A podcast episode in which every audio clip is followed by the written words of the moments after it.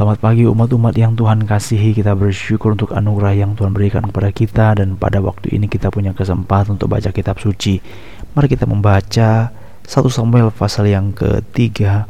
Kita akan baca ayat 1 sampai ayat yang ke-20 1 Samuel pasal yang ketiga ayat 1 sampai ayat yang ke-20 Ayat itu ayat 21 Kita akan membaca bagaimana Samuel menjadi perbandingan atau kontras daripada imam pada waktu itu.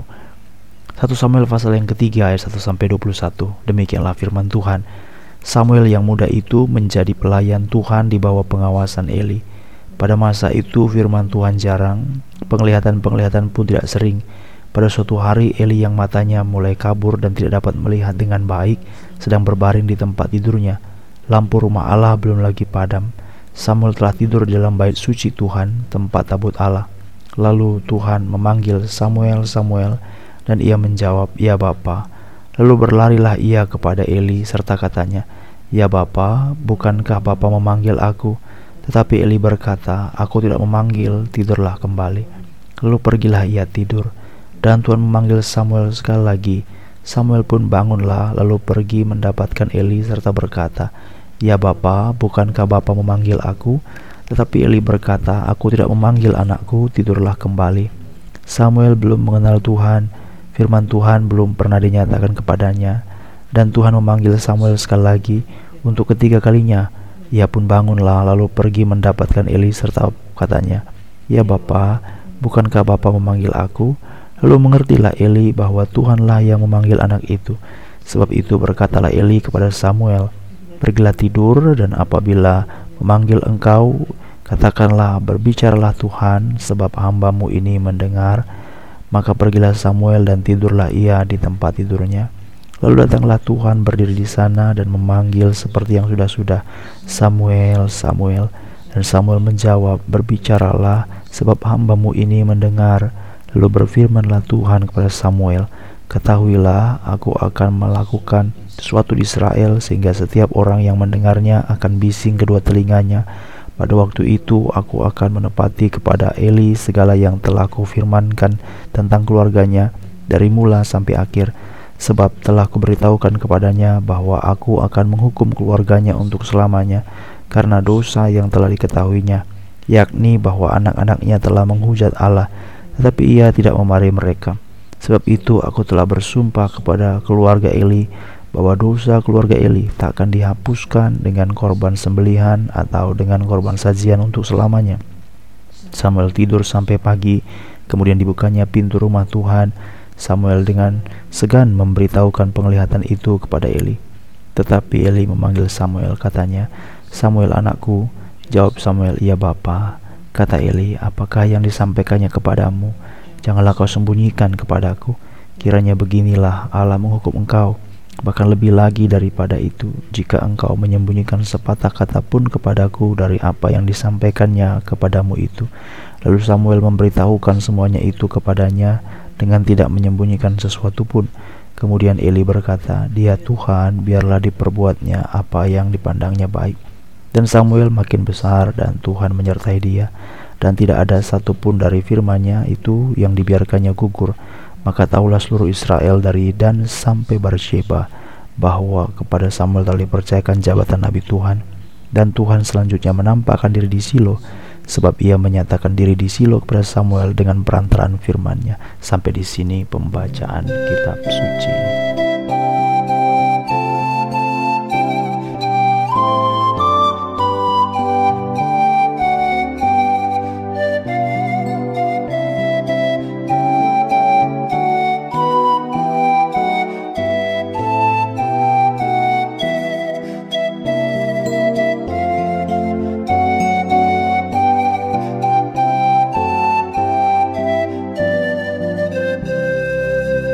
Bagian yang kita baca ini adalah bagian yang mengarahkan kita untuk ingat lagi apa yang terjadi pada masa itu, pada masa hakim-hakim.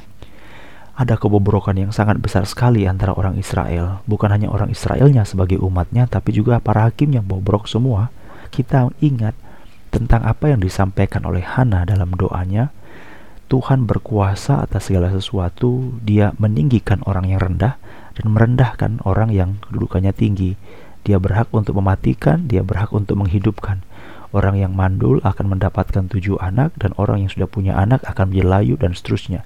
Bagi raja yang diurapi akan diberi kekuatan dan sebaliknya orang yang akan tinggi itu turun keadaannya karena dia berpaling daripada Tuhan. Ini terjadi sekali dalam peristiwa yang baru saja kita baca. Di rumah Tuhan itu ada Imam Eli, ada Hofni dan Pinehas. Tetapi justru sebaliknya, Tuhan tidak memakai mereka lagi. Meskipun mereka itu masih menjalankan pelayanan, tetapi Tuhan tidak memakai mereka. Tuhan memakai Samuel dan kita lihat bagaimana orang yang dalam posisi tinggi seperti Imam Eli, seperti Hof dan Pinehas sementara diturunkan Tuhan satu tingkat kepada tingkat berikutnya makin lama makin turun, makin lama makin turun sampai akhirnya mereka habis. Tetapi sebaliknya Samuel yang maki masih kecil diangkat Tuhan makin lama makin tinggi makin lama makin tinggi makin lama makin tinggi sampai pada bagian terakhir kita baca. 1 Samuel pasal 3 ayat yang ke-19 Samuel makin besar Tuhan menyertai dia dan tidak ada satupun dari firman-Nya yang dibiarkan gugur.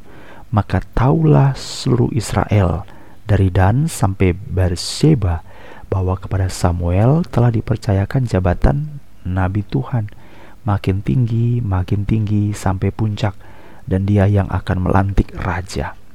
Suatu penantian yang ditunggu dari pertanyaan yang belum selesai dan terjawab dalam kitab Hakim-Hakim tidak ada raja. Siapa yang mengakhiri fase hakim-hakim dan memulai masa raja? Siapa yang melantik? Samuel orangnya. Dan dari ini kita melihat kontras antara yang tinggi direndahkan dan yang rendah ditinggikan oleh Tuhan yaitu keluarga imam, Imam Eli, Hof dan Pinehas makin lama makin diturunkan sampai akhirnya kenapa Imam Eli ditolak oleh Tuhan? Karena dia tidak sesuai dengan firman Tuhan. Dia melanggar batas-batas yang telah ditentukan Allah. Pasal yang kedua ayat yang ke-12 sampai 13.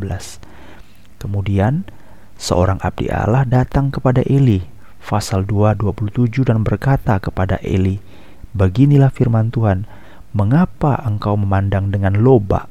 Betul rakus sekali ya, loba, serakah. Dia memandang dengan loba segala korban sembelihan dan korban sajian yang telah kuperintahkan. Lalu disebut lagi, mengapa engkau menghormati anak-anakmu lebih daripadaku? Yesus pernah berkata kalau ada orang mengasihi anaknya lebih daripada aku, dia tidak layak bagiku. Dia tidak layak melayaniku. Imam Eli dalam keadaan seperti ini sambil menggemukkan diri dengan bagian yang terbaik, Tuhan berkata dalam ayat yang ke-30 bagian akhir, Siapa yang menghormati aku akan kuhormati, tetapi siapa yang menghina aku akan dipandang rendah. Imam Lewi juga bobrok. Itulah yang terjadi pada masa lahirnya Samuel. Apakah Tuhan membiarkan ini? Tidak Tuhan akan mengakhirinya karena yang tinggi akan direndahkan. Tetapi sebaliknya, Samuel, siapa Samuel? Samuel sebenarnya adalah keturunan Lewi. Nanti kita boleh baca dalam Tawarik pasal yang ke-6, ayat yang ke-35, 36, dan ayat 19, Tawarik pasal 6. Jadi Samuel juga memakai baju efod. Dia memakai pakaian imam karena dia orang Lewi dan memang dia adalah seorang yang menjadi imam di di bait suci Tuhan. Walaupun sebenarnya kurang tepat karena imam itu harus dari keturunan Harun. Ini merupakan satu bukti nyata bahwa kerusakan sedang terjadi di antara orang Israel. Imam atau kerjaan imam itu dilaksanakan oleh Samuel. Sebenarnya itu tidak boleh. Ini yang terjadi saudara-saudara. Dari sisi orang-orang imam dari sisi orang-orang yang punya kedudukan. Tetapi sebaliknya kontrasnya. Tuhan panggil seorang yang tidak terkenal seorang yang biasa, yaitu Samuel. Dan Samuel ini indahnya sejak dari lahirnya dia sudah diserahkan kepada Tuhan seumur hidupnya. Satu Samuel pasal yang ketujuh, maka kita temukan di sana seumur hidupnya Samuel menjadi hakim. Samuel itu diserahkan kepada Tuhan dan dari rendah dia terus ditinggikan, terus terus ditinggikan, terus ditinggikan sampai kapan? Sampai seluruh Israel tahu bahwa kepada Samuel telah dipercayakan nabi Tuhan. Apa pembedanya Saudara-saudara? Pembedanya adalah firman Allah. Kalau kita baca dari Samuel pasal yang ketiga, Samuel sebenarnya tidak mengerti apa yang terjadi ini. Karena dalam ayat yang ke satu dikatakan, pada waktu itu firman Tuhan jarang, penglihatan tidak sering. Dalam ayat yang ketujuh dikatakan Samuel belum mengenal Tuhan, firman Tuhan belum pernah dinyatakan kepadanya. Tetapi dalam ayat yang ke-19 disebutkan lagi, Samuel makin besar, tidak ada satupun firmannya yang dibiarkan gugur. Sudah tahu apa elemen yang diulang-ulang? Pasal 3 ayat 1, pasal 37, pasal 3 ayat 19. Apa yang diulang-ulang? Firman Tuhan. Ini berbeda dengan keluarga Eli. Keluarga Eli mereka melayani ada di bait suci tapi tidak peduli firman Tuhan. Tapi sebaliknya, Samuel yang tidak ada apa-apanya dari tidak pernah mendengarkan firman Tuhan. Dari firman Tuhan belum menyatakan kepadanya, tapi sampai akhirnya dia menerima firman Tuhan dan akhirnya dia tidak ada membiarkan satu pun firman Tuhan itu gugur. Kita mendapatkan firman Tuhan, merenungkan firman Tuhan, lalu kita jalankan firman Tuhan, maka kita akan menemukan di mana perbedaan kita dengan orang yang lain. Di mana perbedaan kita dengan orang dunia? Apa artinya kita menjadi orang yang menjalankan dan menuntut kehendak Allah digenapkan dalam hidup kita? Nah, inilah kontras yang terjadi antara Samuel dan keturunan keluarga Eli. Antara yang tinggi dan direndahkan dan yang rendah yang ditinggikan antara yang melanggar batas-batas firman Tuhan dengan orang yang memelihara firman Tuhan, antara orang yang terus-menerus rutinitas menjalankan pelayanannya seperti keturunan demi keturunan dengan orang yang menerima sesuatu yang segar dan yang baru dari Tuhan. Jangan saudara keliru bahwa Samuel pun menjalankan tugas imam. Dia menjalankan tugas imam dan dia memakai baju efod kalau kita baca.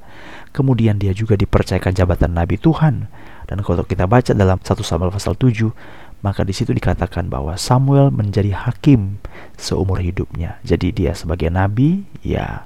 Dia menjalankan imam, ya. Dia sebagai hakim juga, ya. Samuel orangnya. Dan ini tidak bisa dilupakan. Tuhan sedang ingin bekerja dengan fase yang baru, dengan hal yang baru, dengan sesuatu hal yang ingin digenapkan.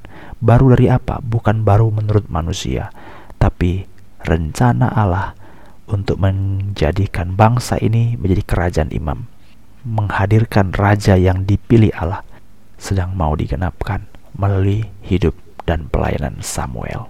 Marilah kita berdoa.